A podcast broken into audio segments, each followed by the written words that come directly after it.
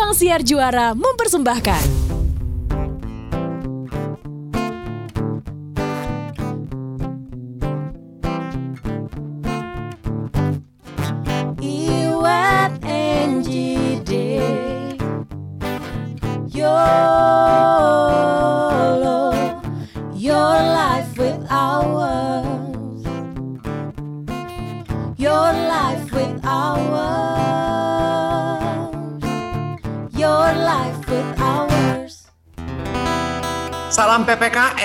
Sobat Yolo sekalian. Aku dapat update dari Ketua Kelas Komunitas Yolo, Maharani. Katanya banyak Sobat Budiman nih yang juga positif kemarin. Kita mau kirim semangat supaya cepat sembuh, cepat kuat, baik-baik manis-manis di rumah, betah-betah ya, lagi isolasi ya semuanya ya guys. Isolasi, kalau isolasi pakai ban, tahu nggak sih temennya isolasi ban. Apa sih is- is- isolasi? Lo harus lengkap dong. Yang lagi isolasi mandiri Oh, gitu iya, loh, benar. atau lagi isoman, yang lagi iya, iya, iya. isolasi. Iya, gue gue tadi Ji, gue tadi gini agak kayak ada yang salah nih, ada yang Ya, salah ada apa kurang ya. ya? Apa ada yang salah? Oh isolasi ban, ya, Ya. kan? Isolasi mandiri. Ah. Atau kalau lu mau sekalian jadi rusak bukan isolasi, bukan isoman jadi isoban. Nah, tuh bagus tuh Hmm. isolasi Iya benar, ban. iya benar. Eh, tapi sedikit ya Eh, mengenai tunggu kita kita Apa? memulai percakapan kita sebelum kita memulai topik ini dengan Desi Ratnasari Anjir. karena dia adalah seorang penyanyi pop. Kalau dia adalah seorang tukang jualan kue tradisional, maka dia akan berubah nama menjadi Desi Nagasari. Desi Ratnasari. Karena dia adalah seorang penyanyi pop. Kalau dia pengusaha spa, dia Desi Tamansari. Iya. Desi Ratnasari, dia adalah seorang penyanyi pop. Kalau dia pengusaha transportasi umum, maka dia menjadi Desi Mayasari. Iwet Ramadan karena dia orangnya tidak baik-baik dan senang ribet. Kalau dia orangnya swoles, dia akan berubah nama menjadi Iwet Rapopo. Iwet Ramadan. Karena dia sedang tidak diet. Kalau sedang diet, Iwet Ramadan. Ramadan. Aduh capek. Itu, itu membuktikan Ramadan. Karena dia baik-baik. Kalau dia percaya tahayul menjadi iwet ramalan.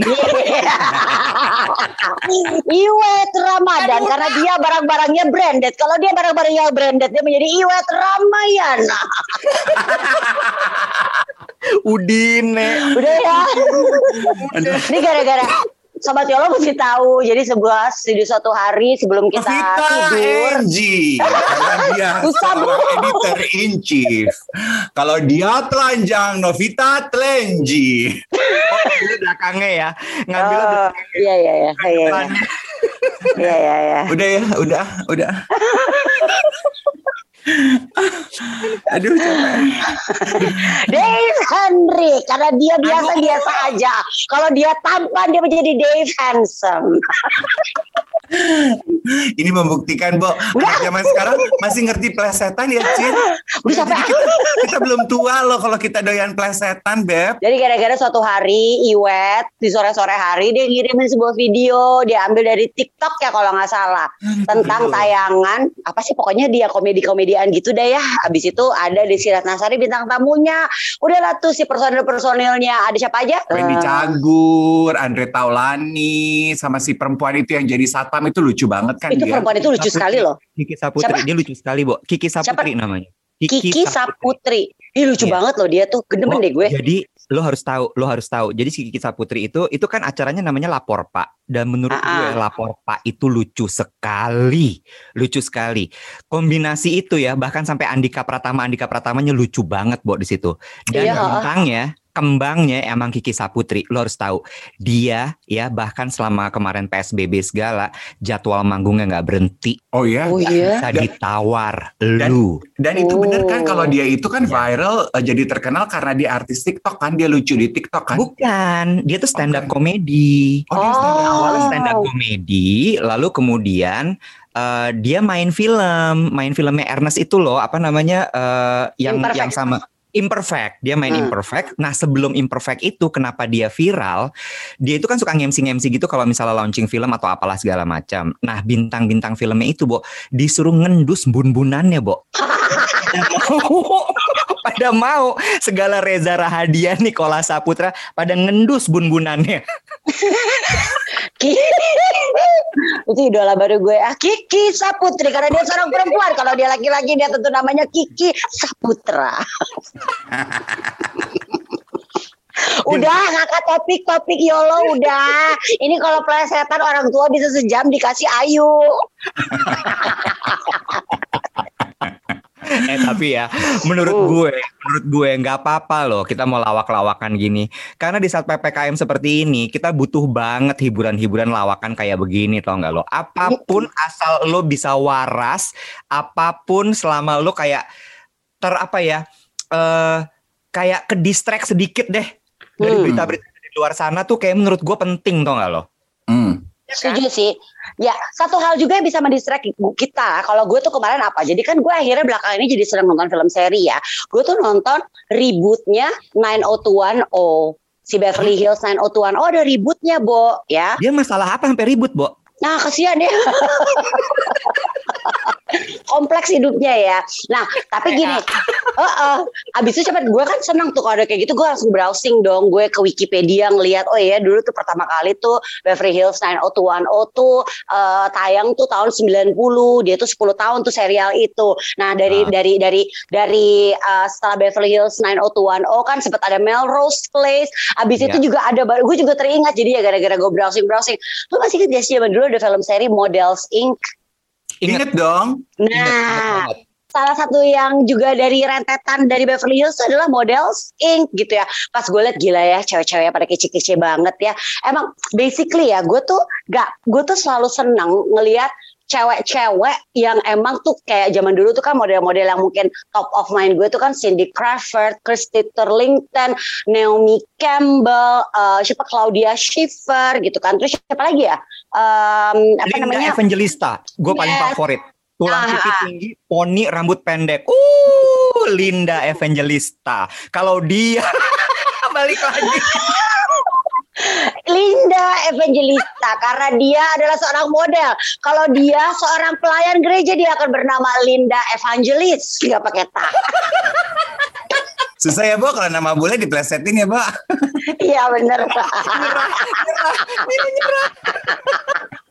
Nah balik lagi ya, bener-bener Linda Evangelista tuh termasuk yang salah satu juga yang cantik banget tuh ya. Tapi kalau dari dulu gue tuh melihat mereka tuh I always admire them. Gue nggak pernah merasa terintimidasi ya bu dalam artian Ya. gila badannya bagus banget. Gue cuma ngeliat gini, gila ada ya orang-orang kayak begitu gitu kan ya luar Hmm. biasa ya mereka tuh pasti kerja keras ya justru gue mengagumi apa ya eh gue mengagumi mereka tuh dalam artian gini mereka tuh kan nggak mungkin itu cuma kerja semalam ya dapetin body body yahut kayak begitu ya nggak sih gitu. Asli, Mereka tuh- asli. asli itu kan kerja kerasnya gila ya kalau bilang tapi kan operasi.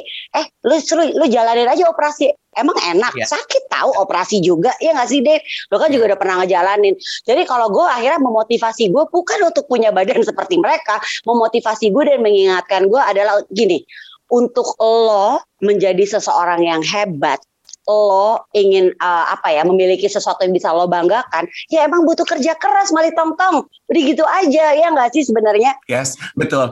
Eh, topik kali ini tuh sebetulnya kayaknya kedengarannya ringan ya. Eh, Tapi buat gue eh, apa ya fondasinya tuh gede banget dalam kehidupan pribadi yang bisa lo pakai dalam pekerjaan, pertemanan atau apa pun itu. Kali ini tuh kita membahas bahwa apa yang kita lihat di televisi, eh, mimpi, fantasi, kehidupan yang nggak bisa kita raih, itu tuh ternyata memang we want it to become a dream. Emang kita tuh contoh deh Victoria's Secret fashion show. Ya semua perempuan pasti nonton itu dong. Hmm. Semua laki pasti nonton itu dong. The Yes. Victoria's Secret Angel itu menjadi standar kecantikan beauty buat banyak sekali dunia kecantikan, ya kan? Hmm. Jadi kenapa namanya angel? Karena diibaratkan seperti malaikat yang turun dari Bidadari. surga, Hmm, ya nggak bidadari, sih? turun dari kayangan. Ya, ya, ya, ya. It's ya. a dream gitu. Nggak semua perempuan mungkin bisa mencapai uh, standar kecantikan, ukuran tubuh yang sempurna seperti the angels gitu. Dan Hmm. menurut gue ya ya nggak apa-apa. Kita perlu kok punya angan-angan dan punya mimpi Yes, yes, itu. yes, yes, yes. Iya nggak sih? I agree. Gue baru tahu juga ya, gue sempat baca di postingannya Paulina Pungki kalau nggak salah. Ternyata emang salah satu reason kenapa juga kan kita tahu bahwa sekarang ini Victoria Angels, eh Victoria bener Angel Angelnya si Victoria Secret itu kan diganti dengan real people gitu kan ya. Karena kan memang alasannya adalah gini, satu persen, hanya satu persen manusia di muka bumi ini yang memiliki body-body seperti si para si Victoria Angels itu. Which is sebenarnya gue jujur ya, gue pribadi agak kecewa dengan digantinya si model-model ini karena I admire them. Ba- ba- Balik lagi kayak tadi di awal gue bilang, gue melihatnya bukan sesuatu untuk disirikin dan atau masalah gini. Ya kan dia badannya kayak begitu, ya dia badan begitu tapi dia udah kerja kerasnya loh. Ya gitu Gue- aja. Maksud gue gue lebih terpacu untuk yang Oke, gue nggak mungkin punya body kayak gitu, tapi mungkin gue bisa berkarya di tempat lain di mana gue bis, harus kerja keras untuk mencapai yang gue inginkan. Kenapa, Wet? Gue mau nanya deh. Eh, Lu sebagai perempuan Nenji ya, Hmm, hmm, hmm. kan kalau di rilisnya official rilisnya dari Victoria's Secret adalah ini kan gara-gara mereka eh, isu ini terangkat karena mereka menyudahi kan show apa show Victoria Angelnya udah nggak ada. Hmm, hmm, hmm. dengan The Angels itu. Hmm, hmm, hmm. Nah, terus kemudian di rilis itu kan disebutkan bahwa satu hanya satu persen yang badannya seperti The Angels. Lalu Hmm. kemudian yang kedua, ternyata eh, dengan adanya Angels itu tidak membuat konsumennya Victoria's Secret kemudian menjadi eh, relate dengan eh, badan mereka karena Hmm. ternyata badan mereka tidak seperti si Angels. Walaupun mungkin juga akhirnya banyak yang bilang tapi kan itu adalah aspirasi supaya Hmm. kemudian perempuan-perempuan merasa bahwa oh gue sama sama Angels karena gue memakai pakaian dalam mereka gitu kan ya. Yes. Tapi sejujur-jujurnya ya, kalau lu Hmm. sendiri gitu, eh lu merasakan apa dengan melihat adanya Angels itu? Apakah satu, memang lu menjadi kayak teraspirasi sama mereka karena ngerasa bahwa oh, I'm wearing the same bra with the Hmm. Angels gitu ya? Atau lu ngerasa kayak eh, gue kayaknya nggak mau deh masuk toko itu karena gue nggak merasa badan gue Intimidated. seperti mereka. Iya, intimidated jadinya. Yang mana kalau lu? Gue yang pertama, gue nggak pernah merasa terintimidasi dengan orang-orang berbadan bagus karena gue tuh orang yang punya kepercayaan Tuhan itu adil. Hmm, hmm, Di hmm. saat mereka punya badan bagus, itu yang mereka bisa banggakan, itu yang mereka bisa tonjolkan. Tapi Hmm. ya kita juga harus yakin dong bahwa kita juga diciptakan sama Tuhan punya satu kelebihan yang nggak dimilikin sama si angel-angel itu, Bo. Ya, Hmm. kalau nggak percaya tanya sama Angel Elga. Tapi gue mau nanya, kalau Ya. Dave sendiri, gimana perasaan lo dengan lo pakai lingerie-nya Victoria's Secret itu? Monyet. Tapi gue setuju sama Angie ya, which menurut gue sebetulnya eh, banyak perempuan yang juga pendapatnya sama seperti Angie. Maksudnya nggak feel intimidated melihat Yes. mimpi standar Why? kecantikan yang Heeh. tinggi banget ngelihat Victoria Angels. Terus mereka merasa bahwa, aduh, kok standar kecantikan tinggi banget? Gue nggak lahir seperti mereka. Gue nggak nggak nggak berhak hidup di dunia ini dong. Berarti nggak juga tuh sebenarnya. Iya nggak sih? Hmm, hmm. memang nggak tahu ya maksud aku gini eh gue tuh kan termasuk orang yang sangat suka keindahan visual iya dong Sama gue juga. Uh, uh. Iya kan Mm-mm, karena buat gue seni itu seni itu diciptakan as an escape of our reality iya Mm. dong Hmm, seni, hmm. seni is is an escape to our dull boring standard basic reality Yes, yes, yes, yes. Iya yes, kan? yes. Dan Yes, seni yes. itu kan bisa lukisan, bisa Yes, podcast, yes, bisa yes. sinetron, bisa film, bisa penampilan, melihat para model di atas panggung yang tampak tidak biasa dan di luar dari badan kita kan it's also an art. It's an Iya, escape iya, iya. to our our mind. Benar, benar, benar. Dan pada dasarnya gue yakinnya banyak juga sebagian besar tuh orang-orang tuh udah tahu mana realita, mana kenyataan. Kayak gini deh, misalnya deh, gue melihat model-model celana dalam Calvin Klein. Wah, bodinya kan tuh tulang panggul, apa tuh tulang apa tuh? Yang Iya, tulang iya, celana iya. dalamnya Oh, tuh, eh Oh, V, buset V, gitu kan. sampai V gitu. Yo, gitu kan ya. Eh, tapi itu nggak membuat gue menginginkan punya pasangan seperti itu juga gitu loh. Bener kata Dave, it's it's only it's an art gitu loh. It's like us appreciating art dengan melihat yang wah gila keren banget. Tapi kan nggak melulu art itu pengen lo jadiin milik lo juga. Hanya sebatas Iya. mengagumi dan jadi uh, aspirasi tadi kata Iwet. Iya, Iya. iya, iya, iya. Kayak gini deh, lu pergi ke Sistine Chapel, lu melihat lukisan di langit-langitnya yang dilukis oleh Michelangelo. Bukan berarti terus lu seorang painter, nggak akan ada painter yang bisa hidup yang bisa melukis kayak gitu lagi. Terus lu mau bunuh diri gitu, terus lu mau berhenti jadi painter. Ya enggak, lu iya, kagumi iya. aja bahwa somebody can reach to that point and you cannot, you just reach your own heights. Ya Yes, sih? I Artinya- agree. Heeh. Artinya, artinya kalau dari situ bahwa yang disebut bahwa kemudian kan karena rilis officialnya kan bilang gitu ya bahwa ternyata banyak yang tidak tidak relate Mm, dengan ya, ya, ya. girls. Eh, mereka merasa bahwa terintimidasi lah atau apa segala macam gitu. Then something is going on. Something fishy is going on behind the decision of the company. Lu Yang adalah-? Tapi satu ya, satu ya, satu ya. Melihat Eh, eh. kondisi itu ya, gue tuh semakin prihatin dalam artian apa? Berarti sekarang ini semakin banyak orang-orang yang nggak tahan under pressure Hmm. dengan melihat segala sesuatu yang serba. Wah, gue nggak bisa kayak gitu. Wah, nggak bener nih, nggak bener. Itu terlalu muluk, itu terlalu nggak mungkin tuh ya, ya kan? Jadi ya udah, yang nggak mungkin itu ditiadakan aja, udah ganti yang Gue- lebih real, gitu loh. Kalau buat gue ya, gue ya. gue sebenarnya ada sedikit cerita, Bo, eh, di balik dari kenapa eh, keputusan keputusan Victoria Secret menghentikan show-nya dan kemudian di Angels ditiadakan. Oke, kita Ya. simpan ceritanya Iwet, kita akan kembali, kita ambil Ya. minum dulu, break sedikit, kita balik lagi di podcast Yolo abis ini ya. Victoria Angel karena mereka adalah makhluk-makhluk yang cantik. Kalau mereka adalah makhluk-makhluk yang keras kepala, mereka berubah nama menjadi Victoria Angel. Oh, baru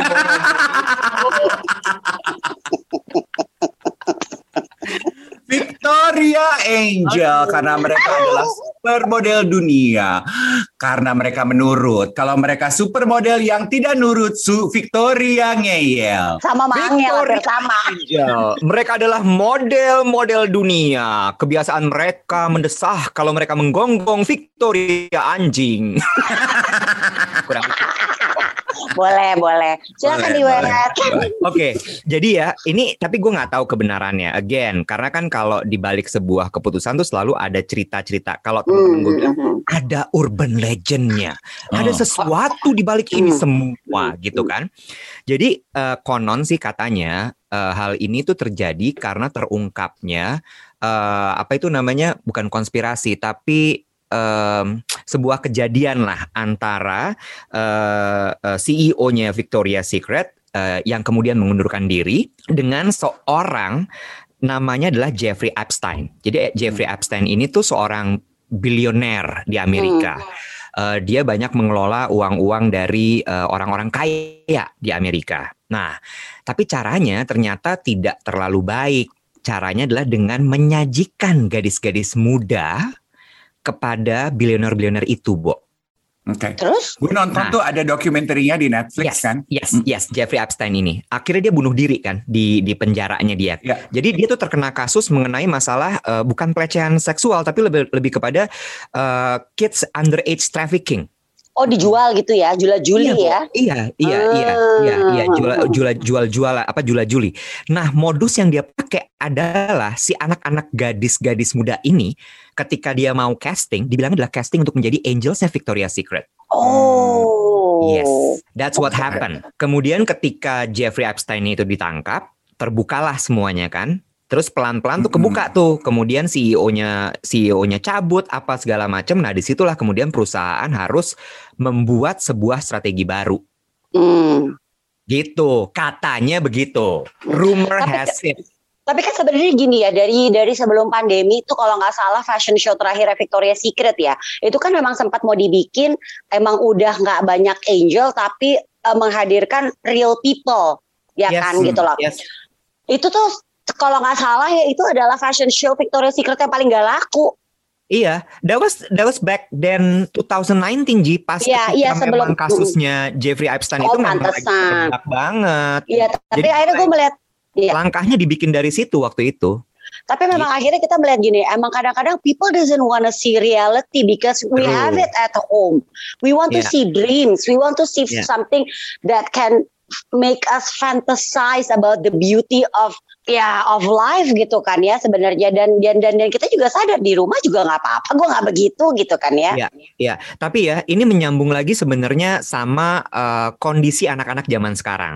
yes sebenarnya. that's right Terlepas that's ya right, dari that's right. rumor atau apa segala macam, tapi memang zaman sekarang itu sepertinya eh, stereotype mengenai kecantikan itu memang udah tidak seperti zaman real dulu. beauty yes I Iya. agree Yang Mhm. semua diangkat adalah real beauty. yes semua orang itu eh, eh, berhak tampil dengan badan seperti apa pun dan mereka harus di value dengan bukan dari badannya, bukan dari kecantikannya, bukan dari stereotip putih atau hitamnya atau rambutnya, tapi, tapi dari personality trait. kepribadiannya mereka.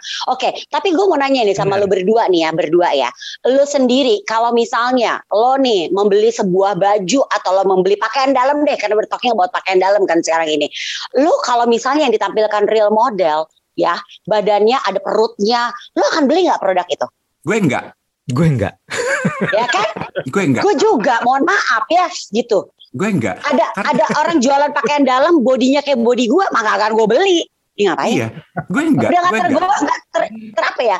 Udah nggak udah nggak selera gitu istilahnya mungkin kalau makanan ya. Iya, sekarang sekarang gini deh ya, maksudnya eh, model-model itu kan tugasnya adalah membantu produk yang mereka pakai to stand out and tampak appealing, ya, Ya, kan? ya. Dan Ya, ya, ya. dan uh, in order to do that kan harus harus apa ya harus ada uh, ada usaha yang ditambahkan ke dalam produknya gitu nggak bisa ya, yang ya, lu bayangin deh gitu model model celana dalam bapak-bapak perutnya buncit gitu Yes. ya Iya kan Uh, ada Mm-mm. selulitnya ada di box celana dalam itu appealing emang buat lo Uh, Enggak. enggak sih buat gue ya tetap Gue aja. Gue mau cerita ya, gue mau cerita nih. Balik lagi soal si eh, model celana dalam tadi. Kan tadi kita cerita gitu ya. eh, Calvin Klein kita tahu itu dia pakai David Beckham kalau gue nggak salah. Salah satu. Oh, dulu tuh uh, apa siapa Mark Wahlberg terus uh, yang juga lumayan ngetop banget tuh Justin Bieber sempat jadi modelnya Nah. Calvin Klein. Iya. eh sama satu lagi sebenarnya gue lihat kayaknya beberapa tahun lalu sih, kayak tapi nggak jauh ya, kayak setahun atau dua tahun yang lalu. James Corden ya, si Late Night Show, hostnya Late Night Show Hmm, yang orang hmm. British, Mm, mm, mm. itu dibikinin Mbok sama Calvin Klein. Parodi oh iya iya iya iya berdua itu parodi tapi kan iklannya. Loh, tapi Hmm. itu dijadiin akhirnya TVC-nya si Calvin Klein. oh oke oke oke oke oke Jadi memang memang dia dibuat seolah-olah kayak eh, oke I'm trying to be David Beckham ya. Kalau nggak salah David Beckham deh atau Hmm. siapalah gitu. Mm, Modelnya gitu terus di di di, di compare memang. mm, Cuman mm. itu kayaknya salah satu cara mereka untuk kemudian membuat eh, produk ini bisa lebih diterima sama masyarakat luas. Mm, Oke. oke. kayak gini juga gue juga ya Mik gue lagi mikir ya kalau misalnya nih gue harus membeli brand uh, make up gitu kan ya tapi yang ditampilin modelnya adalah real people mungkin yang yang yang nggak pakai model-model mukanya yang tulang tinggi gitu kan mungkin yang dihadirkan adalah orang yang mungkin double chin atau apa jujur gue nggak ter nggak tertarik untuk beli loh. Iya. Jujur iya. ya. sebenarnya ya Iya, iya, iya. Jadi sambil kita juga bertanya nih sama sobat Yolo nih. Coba deh kalau misalnya ditampilin tuh yang jadi model-model me- me- me- men- apa menawarkan produk yang mereka lagi jadi brand ambassador tapi tuh real people banget nih ya nggak nggak nggak nggak appealing lo akan beli nggak produknya Hmm. Hmm. Itu kan sebetulnya kenapa eh, isu eh, eh, apa representasi real people dalam standar kecantikan itu jadi appealing dan seksi banget sekarang. Karena kan banyak orang merasa bahwa eh, kita tuh nggak ada representasinya yang kita lihat kan di media gitu. Tapi menurut gue tuh esensinya tuh gini loh. eh, harusnya sih ya gue lupa ya pembahasan gue apa, dengan siapa dan apa.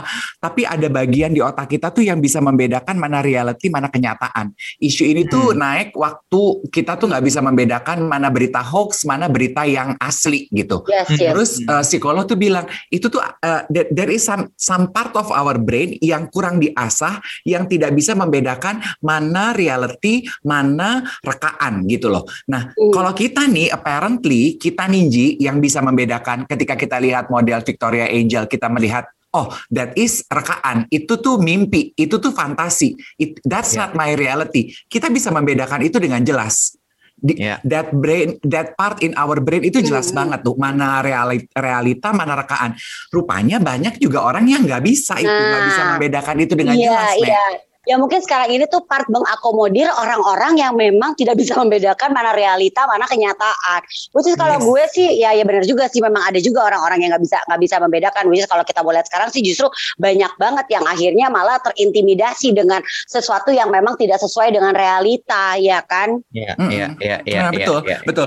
Eh, tadi itu di grup WhatsApp teman-teman gue tuh eh, kita juga Yang BB Cream. Ember?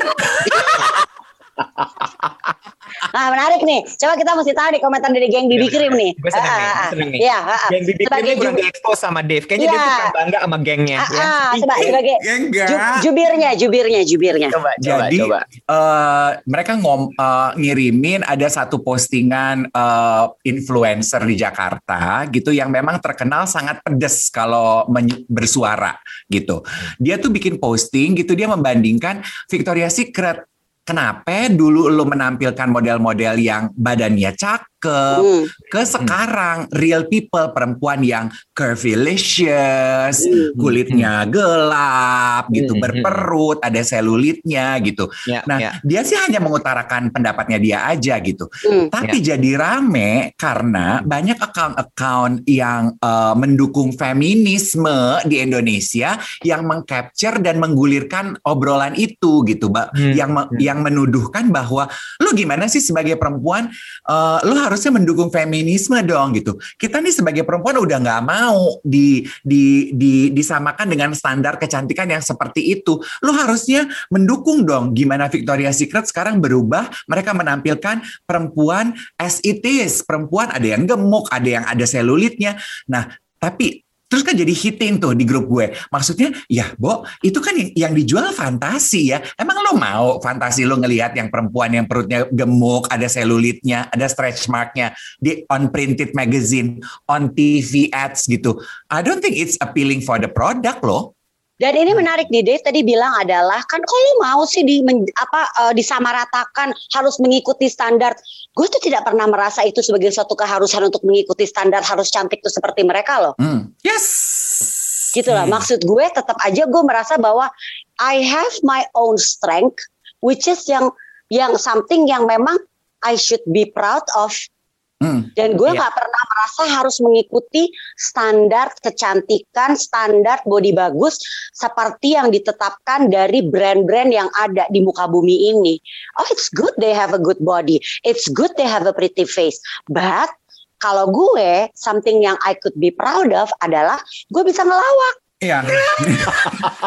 eh by the way, by the way, by the way, Bo, gue baru menemukan TikToknya Ulfa Duyanti loh. Ulfa Eh, udah Duyanti follow. ada TikToknya.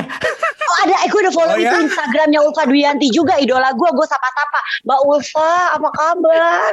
Ih, gue tuh idola banget loh. Maksud gue gitu loh, ya gak sih? Dan Iya, kayak, iya, balik iya. ya, so- sorry Iya, ya, kayak gue melihat Ulfa Duyanti, I consider her pretty in her own way loh. Iya gak sih? Ngomongin? Ulfa Dwiyanti ya, Eh, I eh, think eh. I, I want to share this kepada Sobat Budiman. Gue tuh utang budi loh, Iya, karir gue terhadap Ulfa Dwiyanti. Wet. Eh. Zaman dulu nih ya, gue tuh nge-MC masih baru-baru, masih baru dibayar 150, 300 ribu gitu ya. Iya, iya. Terus Ulfa tuh suka kontak gue untuk Eh, nem- eh. karena zaman dulu kan kerjaannya dia banyak banget kan, Wet. Iya, iya. Lo jadi Jadi kan- partnernya ya. Dia suka kelelahan gitu kan. Iya, iya, Jadi iya, dia iya. bagi, dia bayar gue, gue nemenin Iya, dia nge-MC, gue dibayar 500 Iya, iya. ribu gitu. Iya, Terus iya, gue nggak akan pernah lupa nih namanya gue MC tandeman yang yang bayar dia ya. Gue dibawa dipanggil nge-MC ke Bandung sama dia, nih. Iya, iya, iya. Terus dia dikasih eh, suite dong kamar hotelnya Oh, oh, sama oh, oh. panitianya. Gue Oh. di- dikasih kamar hotel yang jam-jaman yang buat supir gitu loh. Ah, tahu gue. Kamar nggak ada jendelanya gitu Eh, loh, Bo. Eh, eh, eh, eh, eh. Terus Ulfa Dwiyanti, dia adalah seorang pelawak. Kalau dia adalah seorang pantomim, dia adalah Ulfa Dwiyan. monyong lo. Terus gue cerita ke Teh Ulfa kan gitu. Terus dia gini, kenapa lu mukanya cembetut gitu? Eh kalau mau kerja harus happy. Gue gini, kamar tempat gue nginep, gue bilang ini, gak ada jendelanya. Itu kayaknya kamar hot kamar buat Supradit deh, Supir. Nek. Gue Ah, bilang ah, gitu. ah. Terus gini, aduh tenang, emak gak akan telantarkan lo. Gue pulang ke Jakarta, lo pakai kamar gue. Udah, jadi gue tidur di kamarnya dia, Nek. Di Sweet room. suite Uh. room. Iya. Lo orgy party langsung di situ Pak. Gila itu lo. Uh, Fadlianti tuh. Iya, tapi kayak gini ya, kan setiap orang tuh kan punya punya apa ya punya standar. Gue nggak pernah iya kayak balik lagi tadi gue nggak pernah merasa harus mengikuti standar yang yang yang apa ya dan gue juga nggak mau menyebutkan mereka menetapkan. Nggak sih mereka nggak menetapkan ya mungkin mereka punya standar sendiri. Tapi gue nggak beda nggak gitu gitu kan ya. Mungkin gue akan lebih kayak misalnya kayak gue sudah berteman nih satu pilihannya model satu lagi Kiki Saputri. Gue mendingan main sama Kiki Saputri lucu nih orang kayaknya. Ya kan gitu loh maksud gue. Ya kan Ma- Ya. Karena setiap orang tuh ya balik lagi gimana kuat mental dan kepribadian lo sendiri yang yang lo tuh tidak akan terintimidasi dan tidak akan merasa bahwa standar yang ditetapkan oleh masyarakat itu sebagai beban hidup lo ya nggak sih? Oke, gue mau tanya, apakah penerimaan diri kita nih Hmm, ada hubungannya dengan umur? Karena kan perlu kita jadi perlu sih. kita ya akui ya ya ya ya ya oke Ya oke kan? oke oke ya ya ketika ya. kita menjelang uh, adolescence, kita ketika kita menjelang puber, kan kita mulai membandingkan diri kita dengan orang lain, iya kan? Hmm. Sampai ketika kita masuk ke usia senja yang sekarang ini, penerimaan Hmm. diri kita udah mulai 100% sempurna dong. Iya Nah, sih. Yang somewhere in between itu loh, yang masih sibuk membandingkan diri dengan orang lain, intinya gue sebagai manusia, gue tuh berkaca pada dunia yang ada di sekeliling gue yang gue lihat. Iya dong. Hmm. Dan itu tuh re- reflecting back on me. Kalau kita kan sekarang kita tuh udah jadi whole as a human being. Gue udah Ya. jadi nih. Gue nggak butuh dunia lain hantu kali ya. Gue nggak butuh dunia. gue nggak butuh dunia luar to tell me how I should look, how I should live my life gitu. Jadi screw you. Gue gue bisa kok bedain itu fantasi, ini reality. Lah kalau yang in between itu tuh adolescence sampai ke menuju ke usia senja, mungkin mereka tuh yang masih membutuhkan contoh di luar sana yang akhirnya jadi gajak gijik Iya gitu. iya iya benar benar benar benar. Ya. Coba Iwet Ramadan daripada lu jadi Iwet Ranyaut mending komentar deh. Oh, oh. Enggak, gue gue lagi kepikirannya gini ini harusnya topik ini dibahasnya di Podgasm nih, bukan di YOLO. Lu gila ya lu ya. Masih sempat-sempatnya lu usaha cross promo. How dare you? ya Wet, ya per, lu personilnya aja susah ngumpulnya Wet. Hah? Itu dia, ini tuh sebenarnya suara kekecewaan diri, tau gak lo? Eh, Udahlah, gue Dave tantang lo. kasihani lah. Enggak, En- Enji, gue mau tantang si Iwet ya. Iwet, gue I Hmm. challenge you in front of sobat Budiman sekalian ya. Topik yang sama ini mohon lu bahas sama teman-teman Podgasm lo. Oke, terus nanti kita akan biarkan para pendengar yang budiman untuk me- menilai, ya mana yang teman-teman paling nikmati. Udah gitu aja deh, duetin aja. Cepat, ayo. Enggak, enggak, enggak. Berantemin aja ya, berantemin aja ya. sekalian sekalian udah antepin aja berantem Ah, ah, ah, Nggak, ah, kalau menurut gue gini loh.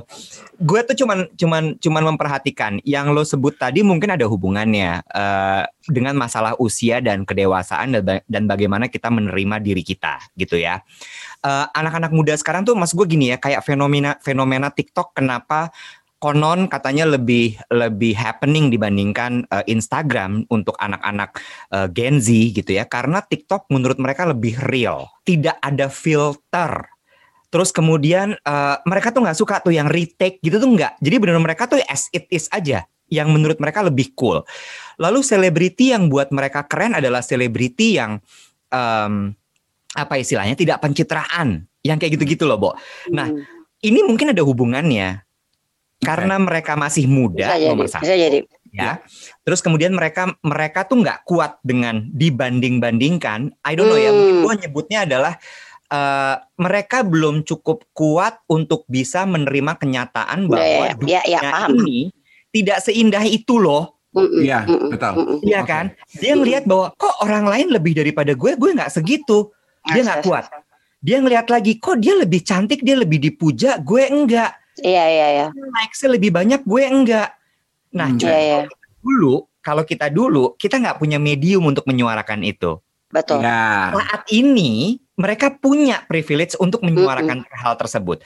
Akhirnya terjadilah apa ya kayak kolektif eh, eh, mereka tuh kayak gang up lah akhirnya. Oh iya gue setuju sama lo. Ini nggak bagus kayak gini. Akhirnya mereka kayak kolektif dan akhirnya menyuarakan itu sehingga Ya, akhirnya ya, terbentuk sebuah narasi. Hmm. Narasinya Iya. tadi bahwa standar beauty nggak boleh cuman cantik. Beauty Iya. itu adalah eh, semua kayak gitu-gitulah pokoknya. Real Yes. beauty is, is the the new black atau apa pun itu. Nah, Ya, balik oke. lagi mungkin memang karena butuh kedewasaan untuk bisa Ya, ya, gue setuju, gue setuju. apa adanya gitu Ya, sih ya. kalau menurut gue. Lanjut di part 3 oke? Ini menarik yang Iwet bilang. Emang dan juga tadi Dave sampaikan, ternyata emang dibutuhkan kedewasaan dan kekuatan mental juga untuk bisa menerima mana mem- bisa menerima dan membedakan mana yang namanya reality, mana yang namanya kenyataan. Iya. Gue inget ya di saat berita soal Victoria's Secret ini akan mengganti semua angels angels ya dengan real people, itu akhirnya gue jadi ada perbincangan bersama Gemma. Which is ya alirannya Gemma, aliran yang oh it's good dong akhirnya you i- apa kita jadinya uh, punya apa real people yang yang akan mem, mem- apa ya yang yang akan memperagakan Merepresentasikan, merepresentasikan brand tersebut gitu. Tapi akhirnya gue ngobrol tuh gue sama laki gue sama Gemma akhirnya ngobrol gitu soal ini. Kalau JJ kan lebih yang ya oh gitu. Oke, ya kan gitu. Kalau kalau Gemma akhirnya Hmm. akhirnya gue bilang tapi itu dia it's part of us uh, membedakan mana realita mana kenyataan dan juga sebenarnya apa yang mereka lakukan itu misalnya kita ngerasa bahwa gini kok tuh orang cantik banget dalam dunia nyata nggak banyak tuh orang-orang yang bodinya bagus rahangnya tinggi hidungnya mancung badannya kayak apa martabak tipis kering ya tapi kan balik lagi kalau kita mungkin di saat kita udah mulai dewasa kita bisa melihat dari segi gini. Tapi kan mereka tuh untuk bisa mendapatkan itu semua perjuangannya gila.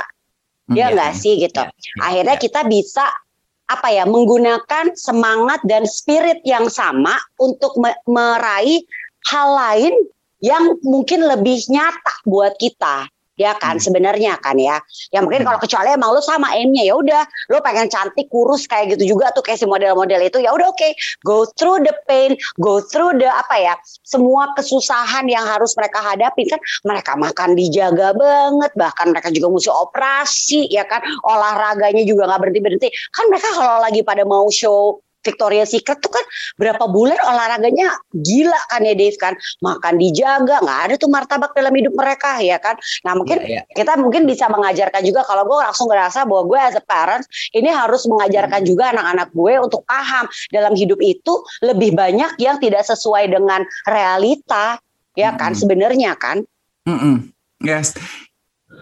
Kenapa, Wet?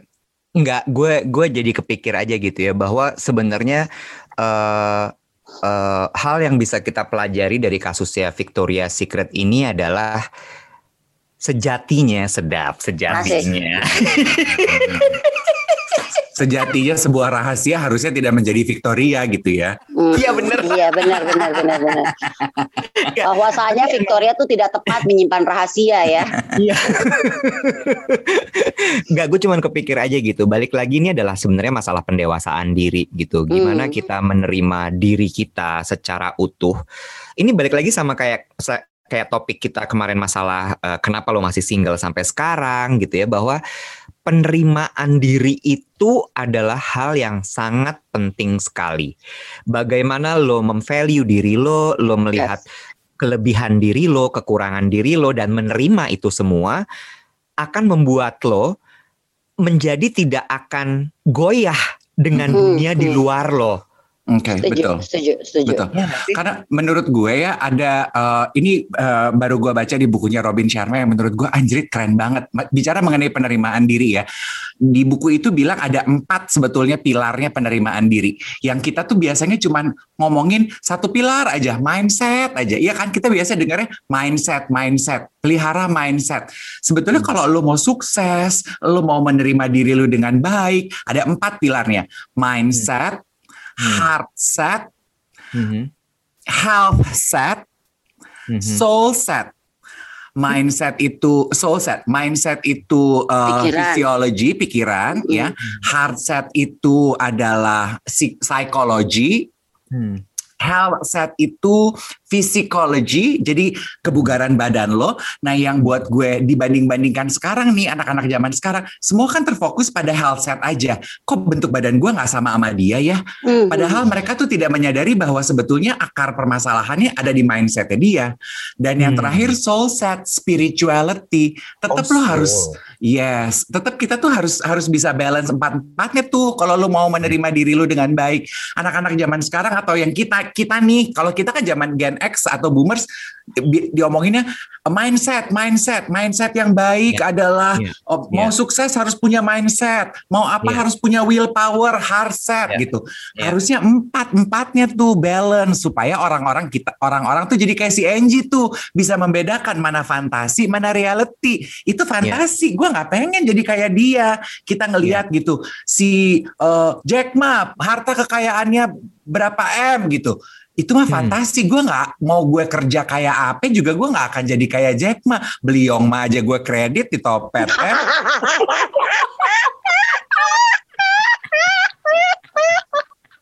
Young Ma, the magic in life. Padahal temanya udah the magic in life ya. Iya iya iya iya iya benar benar benar. Jadi balik lagi nih ya. Ya. Telepon dong orang Yong Ma, suruh dong placement. Rice Jadi cooker, rice ya. cooker deh ah. Ember. Jadi balik lagi ya bahwa bahwa sebenarnya eh, ini semua kembali lagi kepada masalah kedewasaan. Ya. Kedewasaan itu tadi ketika lo sudah dewasa, maka lo bisa menerima diri lo dengan utuh, baik itu nilai positif atau nilai negatif lo. Dan Hmm. itu nyambung tuh yang Dave bilang tadi, si Robin Sharma itu, bahwa Hmm. sebenarnya ada empat hal yang harus lo lo apa ya namanya, lo kuasai lah ya, atau paling nggak lo tahu gitu untuk bisa menerima diri lo. Ada mindset, ada heart set, ada soul set, sama satu lagi adalah Ah, apa tadi eh, mind Mini set. closet juga boleh kak. apa tadi mind Mindset, Heart, heart set, soul, health set, health health health. health set, health set. Iya kan? Jadinya jadinya emang emang harus lengkap gitu semua. Aduh, Bo, andai kata semua orang bisa tahu masalah ini ya. Jadinya nggak akan nggak akan ke kepengaruh gitu sama kayak Yes. Kok dia lebih kaya, gue enggak ya. Kok dia Hmm. lebih ini, kok gue enggak ya. Kok Hmm. dia begini, kok gue enggak ya. Nggak ada lagi tuh hashtag 25 tahun, lu udah bisa ngapain aja. Mm-mm. Gue masih joget Bo di embassy. Ya Ih, Allah, Wonder Bar.